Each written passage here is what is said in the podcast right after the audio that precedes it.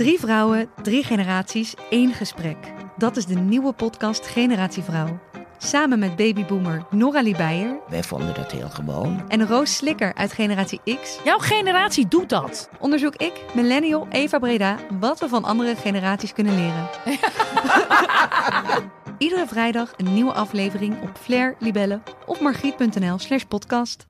In coronatijd houden vrouwen het land draaiend. In de zorg en in het onderwijs onder andere. Maar in de bedrijfstop dringen ze nog steeds maar niet goed door. Terwijl evenwichtiger leiderschap iedereen ten goede komt. Tijd voor een concreet stappenplan om vrouwen naar de top te krijgen, vindt onze gast, managementtrainer, coach en adviseur Robert Vos. Mijn naam is Jan Meijroos. En ik ben Maaike Bos. Leuk dat je luistert naar Work in Progress, de podcast van Intermediair over werk, carrière, work-life balance en persoonlijke groei.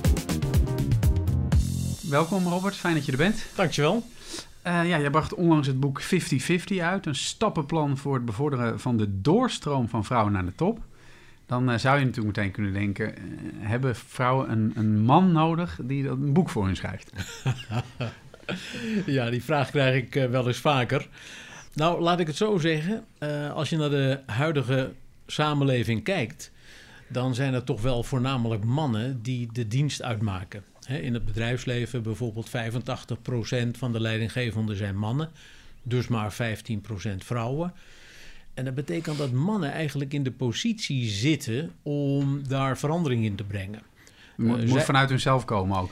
Ja, ja eh, het is natuurlijk een samenspel tussen beiden. Hè? Mannen kun je zeggen, die moeten ruimte geven aan vrouwen. Een vrouw moet de en ruimte vrouwen pakken. moeten die ruimte pakken, exact.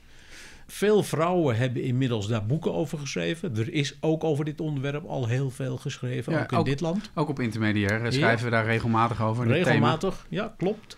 Dus het is eigenlijk tijd dat eh, een man, en er zijn wel een paar mannen, maar die kun je letterlijk op de vingers van één hand tellen, eh, dat een man zich daar eens heel concreet over uitspreekt. En met concreet bedoel ik, de situatie is bekend, Maar nu, Ja. hoe nu verder? maar hoe nu verder? Hoe Ja. pak je door? Hoe, hè, hoe pak je het aan?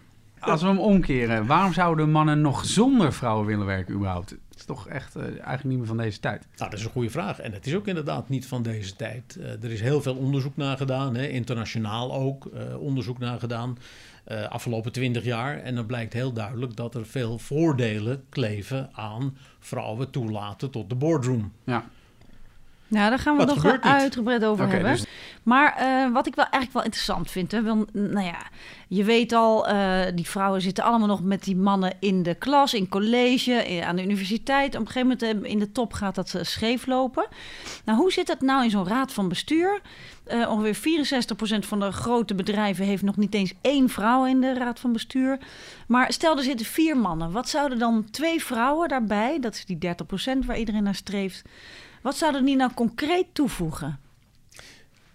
In zo'n board waar je vrouwen toevoegt aan een eh, man-only board, hè, oorspronkelijk, hè, daar- daar start je mee. eh, dan merk je onmiddellijk dat de inhoud van het gesprek anders wordt. De gesprekken die gevoerd worden, de toon is anders in zo'n board. Eh, daarom is het ook essentieel dat er, en dat blijkt uit onderzoek, dat er minstens een derde van zo'n team uit vrouwen moet bestaan. Dan Want begint... als het er maar eentje was, dan had ze tegen vijf eh, haantjes Exact. moeten opboksen. Exact. En wat je bij één vrouw ook heel vaak eh, in het verleden ziet, is dat zo'n vrouw zich aanpast aan die masculine samenstelling van zo'n board. Ja, en dan gaat natuurlijk die synergie die je eh, nastreeft tussen vrouwelijke en mannelijke leiderschapskwaliteiten, ja, die gaat dan gewoon verloren. Ja. KPN heeft daar ervaringen mee in het verleden, nog onder scheepbouwer. Toen die zei dat elke promotie, dat moest in principe een vrouw zijn, tenzij. Eh, en daar zie je ook dat de vrouwen zich zodanig aanpasten aan die masculine organisatie. Ja, dat dat eigenlijk zeg maar mannen werden in vrouwenkleren. Oké, dus, Nou, dus, er nou. moeten zo, dus er moeten sowieso minstens twee zijn. En, en, en, en hebben, welke andere eigenschappen hebben die dan die die bestaande vier eh, mannen niet hebben? Nou, even terug. Uh, minstens uh, twee moeten het er zijn nee. in dit voorbeeld. Ja, in dit voorbeeld, ja. Mijn antwoord is altijd standaard, waarom niet 50-50? Ja, precies. Vandaar ook... Ja, ja inderdaad. Ja. ja. Nee, want, want, wat ik dus raar vind is dat die vrouwen kennelijk eh, niet zijn wie ze zijn, maar zich zo, uh, weet je wel, kunnen veranderen en aanpassen dat, dat hun kracht ook verloren gaat. En wat is die kracht dan? Als er een, een groot genoegen minderheid, zeg maar, in zo'n boord zit. Wat... Ja. De verschillen die geconstateerd zijn, uh, en laten we vooropstellen dat man en vrouw natuurlijk gelijkwaardig zijn. Hè? Gelijk kun je niet helemaal volhouden, maar gelijkwaardig zijn. Maar de verschillen zijn uh, voor een belangrijk deel door onze cultuur bepaald. En die cultuur is 5 tot 10.000 jaar oud inmiddels. Waarbij de vrouw zich onderscheidt door een betere holistische kijk op zaken. die overzien het geheel Kijk, meer. Jan, hoor je dat ook eens van een ander? ik, ik ben instemmend aan het knikken. Ga verder. dat, weet je, dat neemt niet weg dat de daadkracht van mannen, die recht op hun doel afgaan. Kijk naar een voetballer die de bal heeft en meteen naar het doel toe rent, want daar moet hij in. Daar is natuurlijk op zich niks mis mee. Maar door het hele spel te bekijken, in één oogopslag te zien waar iedereen staat en hoe iedereen beweegt, dat die holistische kijk, daar zijn vrouwen door de bank genomen heel erg sterk in. En tweede belangrijke eigenschap is het uh, onderhouden van relaties. Dus die relationele kant, hè, dat uh, bij elkaar brengen van mensen, het verbinden van mensen. Empathisch vermogen. Het empathisch vermogen wat daarvoor nodig is om dat tot stand te brengen. Plus dat je daardoor samenwerking veel beter kunt laten werken. Hè. Eerder samenwerking in plaats van, zeg ik dan, die masculine competitie. Ja. Het tegen elkaar inboksen. En dat is de verandering die je zo'n boord, even terug naar je voorbeeld, als je vrouwen toevoegt aan zo'n boord waar uitsluitend mannen hebben gezeten. Ja, die mannen die tonen heel vaak dat handjesgedrag in zo'n man-only board. En die van mij is langer dan die van jou en dit en dat. En ze mm. botsen meer met elkaar dan dat ze de samenwerking zoeken. En op het moment dat je voldoende vrouwen toevoegt, dan gaat die toonzetting veranderen. Er komt veel meer samenwerking tot stand. Ja. En de bottom line is, uh, als je het financieel-economisch bekijkt, dat soort organisaties gaat dus ook veel beter werken. Nou, ik kan me voorstellen, als je dus uh, in competitie bent met je medeboordleden, dat je dan je briljante ideeën nog even voor je houdt voordat je ze zelf helemaal uitgedacht hebt. Terwijl als je uitgaat van samenwerking, dan gooi je eens een balletje op. Daar kan de ander weer over doordenken. En in deze tijd is innovatie belangrijk en gaat steeds sneller. Dus ik zou kunnen denken dat dat dan ook uh, meer vlucht neemt als vrouwen erbij zitten. Dat klopt. En als je zeker kijkt naar de huidige samenleving, de huidige maatschappij, of de, of de huidige wereld van mijn part. Dan gaat het natuurlijk om het laten toenemen van onze creativiteit. Hè. We zullen echt goed na moeten denken over nieuwe innovatievermogen. Innoverend creatief. En natuurlijk duurzaamheid. Hè? Alle grote maatschappelijke problemen die op ons afkomen. Daar speelt duurzaamheid een belangrijke rol in. Juist vrouwen kunnen in zo'n board, in, al, in, in elk leidinggevend team, kunnen ze gewoon het verschil maken. Maar hebben we nu niet ook een heel clichébeeld van mannen? Dat die niet uh, zich voor, in, voor duurzaamheid uh, zouden inzetten en voor relaties? Ik durf te beweren dat op het moment dat we meer vrouwen toelaten tot de board en de vrouw authentiek blijft, zoveel mogelijk authentiek blijft, dat daardoor mannen ook in staat zijn om hun feminine kanten te ontdekken en te gaan ontwikkelen. Ja. Net zo goed als vrouwen kunnen zeggen: hey, wat die mannen daar doen, dat is interessant. Dat is een leuke manier om uh, problemen op te lossen. Ik ga daar ook, hey, ik ga mijn mannelijke uh, leiderschapskwaliteiten ontdekken. En als je dat aan beide kanten ziet gebeuren, dan, dan krijg je dat synergetisch effect wat je eigenlijk verwacht van een goede samenwerking tussen die beide seksen. Ja, het, als je het zo hoort, denk je van ja, eh, logisch. Uh, no-brainer. Morgen, no-brainer. En toch gebeurt het zo weinig. Is dat, is dat, is dat, dat mannen dat, daar, daar toch een beetje huiverig voor zijn? Of wat, wat is... Ja, wat het precies is, dat, daar ben ik nog niet helemaal achter. Ik denk dat het heel, e, eigenlijk heel elementair angst is. Angst voor de ander. En in dit geval is de ander dan die vrouw. Ik denk dat het zo elementair is. Terwijl als we naar die ander toestappen en naar die ander, laten we even de vrouw dan als voorbeeld nemen, die vrouw uh, uh, bevragen en we luisteren. En dat is al een hele opdracht hè, voor de meeste mannen, om goed te luisteren. Actief te luisteren, dus doorvragen, dan heb je kans dat we die angst overwinnen. Het empathisch vermogen krijgt een kans en we zien de resultaten verbeteren. Work in progress. Nou zou je ook kunnen denken van, nou ja, mensen die dit misschien horen en, en, en denken van, nou, ik heb hier een heel succesvolle uh, law firm en uh, ik heb uh, alleen maar mannen aan de boord en we, we, zijn, we, hebben, we, we, gaan als een speer en dus hoezo? Wat doen we mis? Het gaat als een, als een trein en we boeken ieder jaar een betere omzetten, dus ja, leuk, maar wij, wat doen, we doen helemaal niks fout. Ja, geweldig. Geweldig. Ja. Ga vooral zo door. Maar door vrouwen toe te laten tot jouw boord, heb je kans dat die cijfers, die groeicijfers die je laat zien, dat die misschien zelfs verdubbelen. Precies, ja. Ik, ik speelde even advocaat van duivel. Ja, voor, uh, ik, ik, hou helemaal met mijn mond. Ja. Dit gaat uh, de goede kant op. Nee, en want hoe zit het dan met die cijfers? Want uh, dat is ook belangrijk om mensen over te overtuigen dat het gewoon echt beter is om gemengde ja, teams te hebben. Uh, laat ik vooropstellen, het boek laat een stappenplan zien om op basis van die cijfers door te pakken. Maar als je naar die cijfers kijkt, neem bijvoorbeeld uh, McKinsey, niet altijd de gelukkigste naam onder de huidige omstandigheden, maar McKinsey doet al jarenlang studies. Geldt ook voor de, de, de vier grote accountancy firms, denk aan EY, denk aan KPMG. Die doen al 15, 20 jaar doen zij jaarlijks onderzoek. En zij tonen aan dat bedrijven, laten we maar even over ondernemingen hebben, dat die substantieel, financieel, economisch beter presteren. En ze laten niet cijfers zien van bijvoorbeeld een groei van 10 of 12 procent, maar ze laten cijfers zien van 40, 50 procent groei. Dus het zijn substantiële cijfers. Ja. Je bent eigenlijk contraproductief bezig als je geen vrouwen toelaat in je absoluut, boord. Absoluut, absoluut. Ja. Ja. Want dan gaat het dus ook over meer vaste klanten behouden, lastig in je boek, uh, meer omzet. Ja. Uh, winsten die duurzamer en maatschappelijk verantwoord behaald zijn. Dat, dat is het tweede aspect. Ook een hè? nieuw dus, verdienmodel nu. Exact, ja. Dus ja. je hebt tegenwoordig worden niet alleen uh, boards beoordeeld op financiële ratio, maar er wordt ook gekeken naar ESG, hè? dus environmental, social en governance. Dus hoe, hoe maatschappelijk verantwoord onderneem jij? Ook Ja. wat is de sociale impact? En governance, hoe transparant is jouw bestuur? Ja. En die zaken spelen steeds meer een rol. Op dit moment ook nog relatief weinig, maar je ziet dat toenemen. Hè? Ook beleggers kijken daar nu vaker naar. Hè? En dat speelt dus een belangrijke rol in, ja, gewoon het prest, je zou bijna kunnen zeggen, het prestatievermogen van ondernemingen. Ja. En dan last but not least, er kunnen gewoon persoonlijke redenen zijn.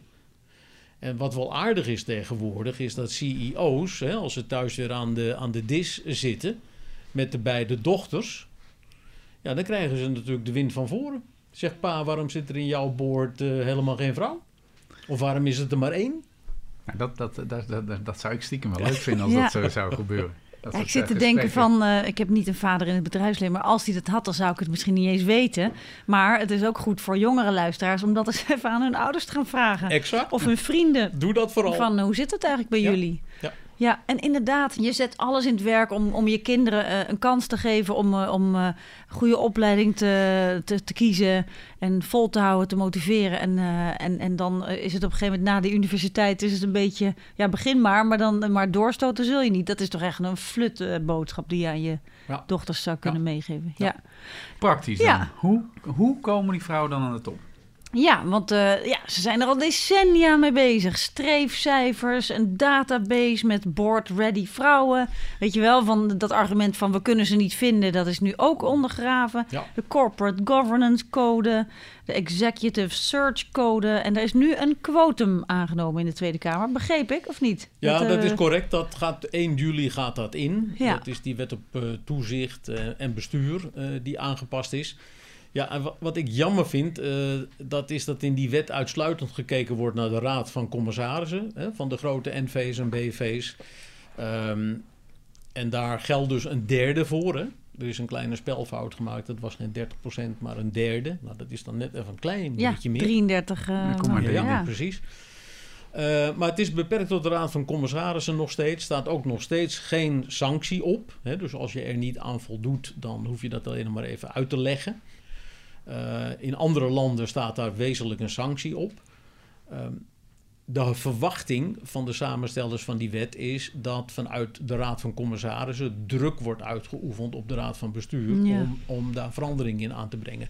Ik had liever gezien dat dat quotum, zeg maar, ook voor de Raad van Bestuur gold. Ja, want even is voor, even, voor, even voor mensen die de, dat eh, niet zo eh, thuis zijn in, in, de- in die hele bestuursvormelijke lagen. De, de, raad van, de Raad van Commissarissen is een beetje de Eerste Kamer en de Raad van het Bestuur is een beetje de Tweede Kamer, toch? Zo mag ik het wel een beetje zeggen. Ja, want de, de CEO die zit de raad van bestuur voor. Hè? Ja. En dan de raad van commissarissen die, die controleren of het allemaal goed gaat. een beetje op de achtergrond. gaat, ja. Ja. Ja.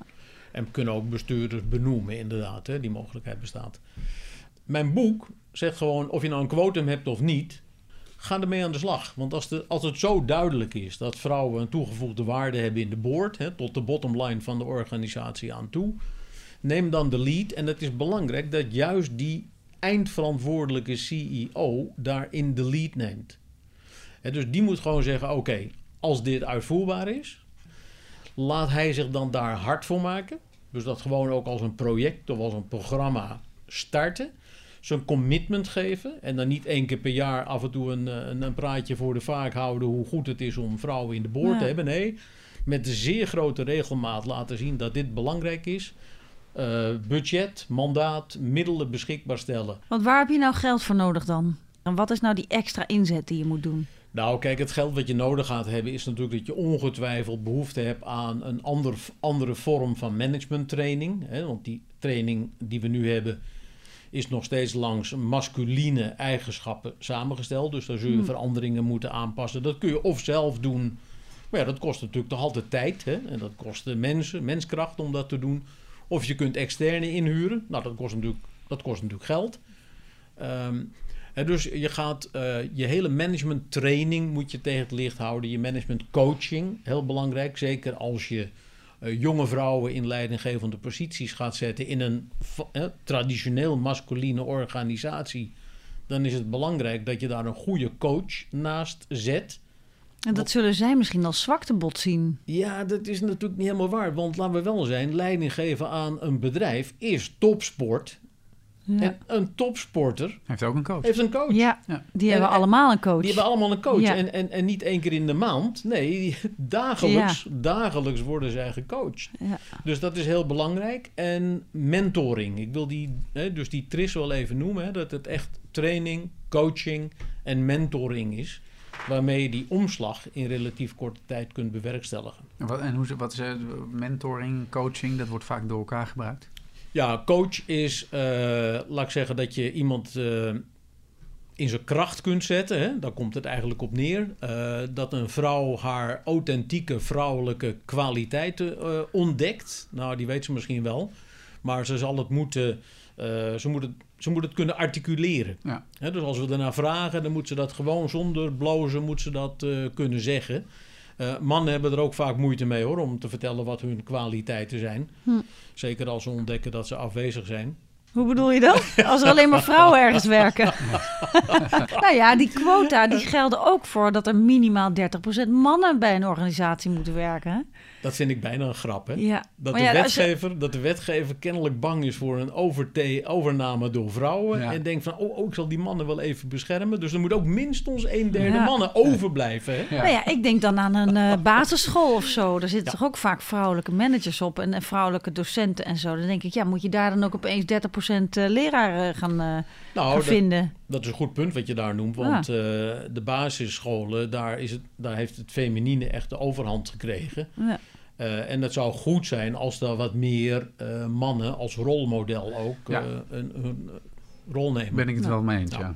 Of dat je dat helemaal moet vastleggen in, in, in scholen. Er is al een leraar tekort, dus Ja, laten we dat, laten we dat Ja. eerst even Ja. op, op, Ja. bij- op orde krijgen. Ja. ja. Maar het is zeker leuk voor, voor jonge kinderen om zowel juffen als meesters te, te hebben. Absoluut. Ja. Ja. ook daar geldt 50-50 eigenlijk. Hè? Ja. Eh, ja, dat zou het beste zijn. Maar nog even terug naar die coaching en die mentoring. Ik denk dan bij mentoring, dat komt van binnenuit in de organisatie. Ja. En als je dan al in een, eh, eh, ja, eh, je wil een cultuurverandering, maar dan neem je een mentor die van de oude stempel is. Hoe moet je dat nou weer doen dan? Dat is in het begin zeker wel het geval, denk ik. Hè, dat de mentor iemand is van het ouderstempel. Want je zoekt een senior eh, Ja. manager die, eh, die dan mentort. De ervaring overigens is tot nu toe dat vrouwen dat wel plezierig vinden... om een senioren eh, mannelijke mentor te hebben. En als je dat anders wil, moet je natuurlijk dat gewoon zeggen. Maar zo'n zo'n man, die weet natuurlijk hoe de hazen lopen in die organisatie. En dat kan voor een vrouw prettig zijn om dat te weten, hè, te Ja, horen. Ja. Eh, wat voor mannen en vrouwen, maar voor vrouwen dan in het bijzonder van belang is, is om goed in de eigen organisatie te leren netwerken. Ja, mannen kunnen van nature heel makkelijk met hun manager even informeel gesprek voeren, of met de manager van de manager. Want we zijn toevallig allebei supporter van Feyenoord. Oh ja. Weet je wel, Ja. op die manier. Ja. Dus dat, dat netwerkt eigenlijk bijna vanzelf. En Ja. vrouwen die natuurlijk hele andere interesses kunnen Ja. hebben, eh, daar kan dat wat lastiger zijn. En dan kan zo'n mentor bijzonder behulpzaam zijn om te vertellen: je zou eens even met die seniorenmanager moeten praten. Over Ajax. Nou ja, ik zou dus als vrouw dan denken... god, dan moet ik wel een goede reden hebben om daar naar binnen te lopen. En ik zou dat dus dan ook elke dag even weer een dagje uitstellen. Dus je moet iemand hebben die jou over de Ja. drempel Ja. duwt. En hier kan dus ook helpen je eigen ambitie. Hè? Als jij Ja, zelf ambitie hebt om toch carrière te gaan maken binnen een organisatie. En dat geldt eigenlijk voor elk mens. Of je nou man of vrouw bent, dat maakt dan niet uit. Maar het geldt natuurlijk...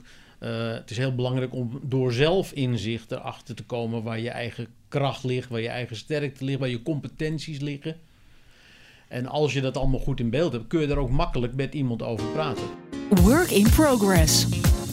Want als ik nou even kijk hè, naar het concrete stappenplan, want, hè, dan, dan zeg jij je moet je, ja, de situatie in je eigen organisatie analyseren. Eh, je, je kunt streefcijfers vaststellen, eh, vrouwelijk managementtalent identificeren, extern werven en selecteren. Dat het zijn eigenlijk allemaal dingen waarvan ik denk van, als je dat bij jezelf als bedrijf serieus neemt, dan gaat dat toch bijna vanzelf. Waarom hebben zoveel bedrijven nog echt zo'n handleiding daarvoor nodig? Ja, ze hebben die duw echt wel nodig. En echt ook een bewust programma. Het heeft alles te maken met biases, met vooroordelen. eh, die gewoon ingebakken in elk mens zitten. Eh, dat heb jij, dat heb ik, dat hebben we allemaal. Eh, dus er heerst een soort onbewuste exclusiviteit in zo'n organisatie. Hè. Wij mannen doen dat gewoon. We hebben het altijd al jaren samen gedaan. Dus waarom niet... eh, Dat betekent natuurlijk ook automatisch dat er gewoon dingen moeten veranderen. En ook dat er dingen moeten verdwijnen. Dus dat betekent ook dat misschien bepaalde functies die nu bij mannen liggen, ja, weggenomen of afgepakt, of hoe je het ook wil noemen. En die krijgen dan iemand anders. Dus ja, dat kan best voor wat wrijving binnen je organisatie eh, zorgen. Oh, dat gaat beslist gebeuren. Dat, er gaan beslist emoties loskomen, gevoelens loskomen. hè, Want het is, het is eigenlijk een reorganisatie die ik hier laat eh, Ja. plaatsvinden. Ja. Dat ze, en, eh, kijk, Nou, ik wil het woord niet noemen, maar fe- feitelijk betekent het natuurlijk... Zeker als je een bestaande eh, situatie die behoorlijk dominant is, wil, wil omvormen. Dat betekent dat je op termijn gewoon men- afscheid moet nemen Ja. van bepaalde mensen natuurlijk. Maar nou, nou, niet, als ik heel niet, even eventjes re- realistisch hè, van eh, in de zeg maar in de lagere eh, regionen van bedrijven is het toch wel een beetje in verhouding. Dit gaat toch vooral over de subtop en de top. Dan heb je toch in verhoudingsgewijs niet over heel veel mensen. Alleen die mensen die hebben wel de macht en die moeten hun positie opgeven. Maar het is niet dat je zeg maar de, de, een kwart van de organisatie eruit moet gooien om dan die allemaal te vervangen door vrouwen. Want die zijn er wel, die vrouwen. Alleen hoe kleiner de piramide, hoe minder er ze- zijn. Ja, nee, sowieso. Nee, Zo maar maar, maar dat, dat zijn natuurlijk wel vaak de mensen die, die het minst makkelijk Ja, eh, weggaan. Ja. Want die zitten natuurlijk niet voor niks daar waar ze zitten. ja, ja, dus het is gewoon heel belangrijk dat je je bewust bent van die emoties die los kunnen komen. Hè? Want mannen gaan hun status verliezen. Die Ja. gaan eh, mogelijke promoties, eh, promotiekansen kunnen afnemen. Daar zul je op in moeten spelen. Door, en je hoeft niet meteen die mannen eh, eh, te vervangen door vrouwen of, of, of de laan uit te sturen. Maar je kunt die mannen een hele goede rol geven in die transitie die we eh, inzetten. Hè, we hadden het net over coaches en mentoren. Zij zouden die rol dus heel goed kunnen overnemen. En op die manier een bijdrage leveren aan deze transformatie. Ja. Eh, ja. Het gebeurt heel vaak. Hè? In, als je, het maakt niet uit wat voor programma of project je ook uitvoert. Er is, iemand, er is altijd wel iemand die dwars ligt. En degene die dwars ligt, ja, die kun je het beste maar betrekken bij, de, bij, de, bij het project. Hè, maak hem desnoods leider van het project, zodat...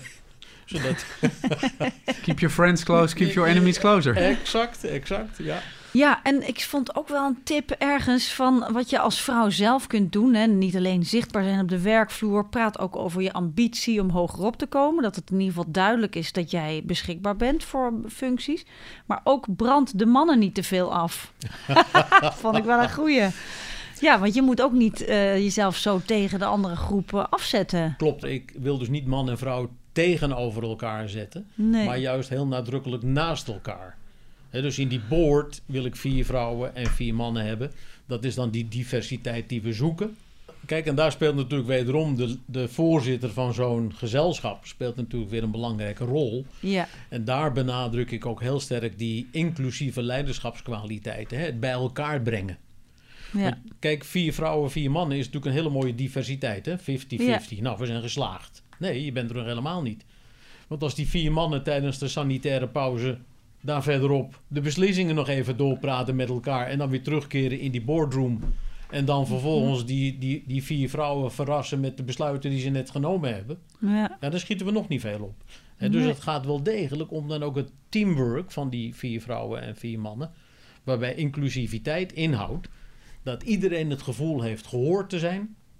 Zijn steentje heeft bijgedragen. Hè, en als je het niet eens bent met een beslissing die eraan zit te komen, dat je ook heel duidelijk de kans krijgt om duidelijk te Ja. maken waar, de, waar, de, waar de problemen nog eventueel zitten. En dan kun je gezamenlijk, ook, ook als het eventueel een conflict wordt, hè, stel dat er even Ja. een, een conflict ontstaat in zo'n discussie, maar spreek dat conflict helemaal uit. De leider Ja. van die vergadering moet ook die mensen in staat stellen om dat conflict ook werkelijk uit te praten. En dan zul je ontdekken dat je samen tot vaak betere oplossingen komt dan waar je de meeting mee begon. Blijkbaar zijn er dus ook heel veel eh, onzichtbare belemmeringen nog. Dat is misschien nog wel de grootste uitdaging. Dat, dat bedrijven het wel willen, dat, dat het draagvlak er is. Maar dat er toch onzichtbaar allerlei ingeslepen gewoontes en, en, en, en dingetjes en gedragingen... eh, waarvan misschien mannen in, in de top het niet eens doorhebben. Ja, ik- denk toch dat we dit gesprek eh, over een paar jaar nog steeds wel hebben. Ik denk dat we het gesprek over een paar jaar best nog wel zullen hebben, ja. Maar dat we intussen ontdekken dat we eh, ons bewust worden. Hè. Zeker de mannen, die worden zich bewust van hun exclusiviteit. Dat zal bij een aantal mannen pijn doen. Wa- wa- leg even uit wat je daarmee bedoelt, want die exclusiviteit. Nou, ik heb zelf jaren in een mannenorganisatie gewerkt met hier en daar een vrouw. Eh, en dan is het eigenlijk heel normaal dat als er eh, promoties plaatsvinden, dat ik die promotie kreeg. Dat vond ik heel, eh, heel normaal. Ik had, me hard, ik had er hard voor gewerkt, dus logisch. Dat ik een betere leaseauto kreeg en natuurlijk ook een vorstelijk bijbehorend salaris. Ik had helemaal niet in de gaten dat er om me heen een enkele vrouw was die dacht van waarom ik niet?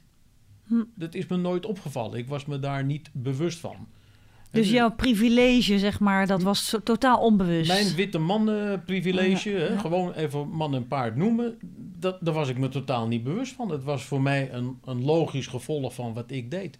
Als je daar bewust van wordt, dan denk je, ai, dan schrik je toch wel even. Ja. En dan denk je, hé, hey, ik heb dus gewoon iemand genegeerd. Ik heb iemand eigenlijk gekwetst misschien wel. Ja, en als je daar dus echt goed bewust van wordt en je denkt van... hé, hey, ik kan natuurlijk ook gewoon weer terugstappen in die heerlijke comfortzone... waar ik me heel comfortabel gevoeld heb. Maar ik kan ook zeggen, hé, hey, wacht even, ik eh, wil hier best wel eens eh, naar kijken... en eens kijken of we dat wezenlijk kunnen veranderen. En dat is eigenlijk de trigger geweest om tot het schrijven van dit boek te komen. Je interviewt ook wat mensen, wat, eh Ja. wat hooggeplaatste mensen, vrouwen en eh mannen ook in je boek. En dan zeg je bijvoorbeeld eh, de CEO van Difrax, Vivienne van Eikelenborg, die zegt: Stop met twijfelen tegen vrouwen. Stop met twijfelen aan jezelf. Werk aan je zelfvertrouwen. Toon lef, durf en ambitie en ga ervoor. Dus dat is iets wat, wat vrouwen elkaar zouden, zouden moeten zeggen. Ja. Klopt. En, ehm, en er was een, oh ja, er was een, een CTO, een Chief Technical Officer, eh Raymond, Raymond, van Riemsdijk. Die zei ook van zonder vrouwen op elk niveau in je bedrijf ben je gewoon gehandicapt. Ja, dat vond ik ook wel een mooie. Ja. prachtig. En ik zou dan nog eigenlijk als slotvraag willen vragen van... wat zeg jij nou tegen die alfaman bovenop de apenrots... die, die hier met dit hele verhaal eh, recht in je gezicht uitlacht? Mooie vraag. Ja, zo'n man, zo'n alfaman, die wil scoren. Dat is vaak, dat, zit, dat is inherent aan dat gedrag. Uh, dus die laat ik dan bijvoorbeeld uh, de financiële ratio's zien uit een KPMG-onderzoek uh, van bedrijven die wel vrouwen toelaten tot de board. En dat zijn double-digit growth figures, hè, dat, de, dubbele cijfers. return on investment, return on assets, al dat soort rendementcijfers, die gaan substantieel omhoog. Natuurlijk niet overnight, hè. het is niet zo van een paar vrouwen erbij en morgen gebeurt het. Nee, want die inclusiviteit is belangrijk, om dat als een team hè, goed te laten werken en die synergie ook los te laten komen. Maar dan, dan gaat dat beter werken. En dan scoort hij dus ook mee. Dus het is ook in zijn voordeel.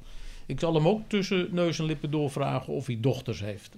Ja, dat is mooi. Ja, want ik wou net zeggen, om nou alleen met cijfers om de oren te praten, je kan ook die alfa-aap die, die jou uitlacht, gewoon uh, rechtstreeks aanspreken op zijn Neandertaal uh, gedrag. Ja. En uh, zeggen dat hij niet meer de tijdgeest aanvoelt, toch? Exact.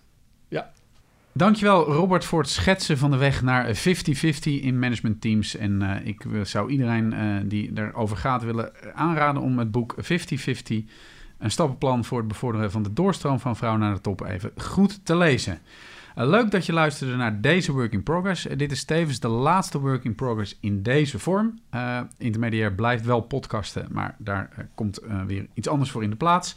Je kunt alle afleveringen van Work in Progress, want het zijn natuurlijk allemaal prachtige, tijdloze verhalen waar je altijd wat uit kunt leren, kun je allemaal terugvinden op de site of via de verschillende podcast-apps zoals daar zijn SoundCloud, Spotify en Apple Podcast. Voor nu tot ziens en tot een andere keer. Dag! Dit was Work in Progress, de podcast van Intermediair. Check voor meer informatie over dit onderwerp intermediair.nl.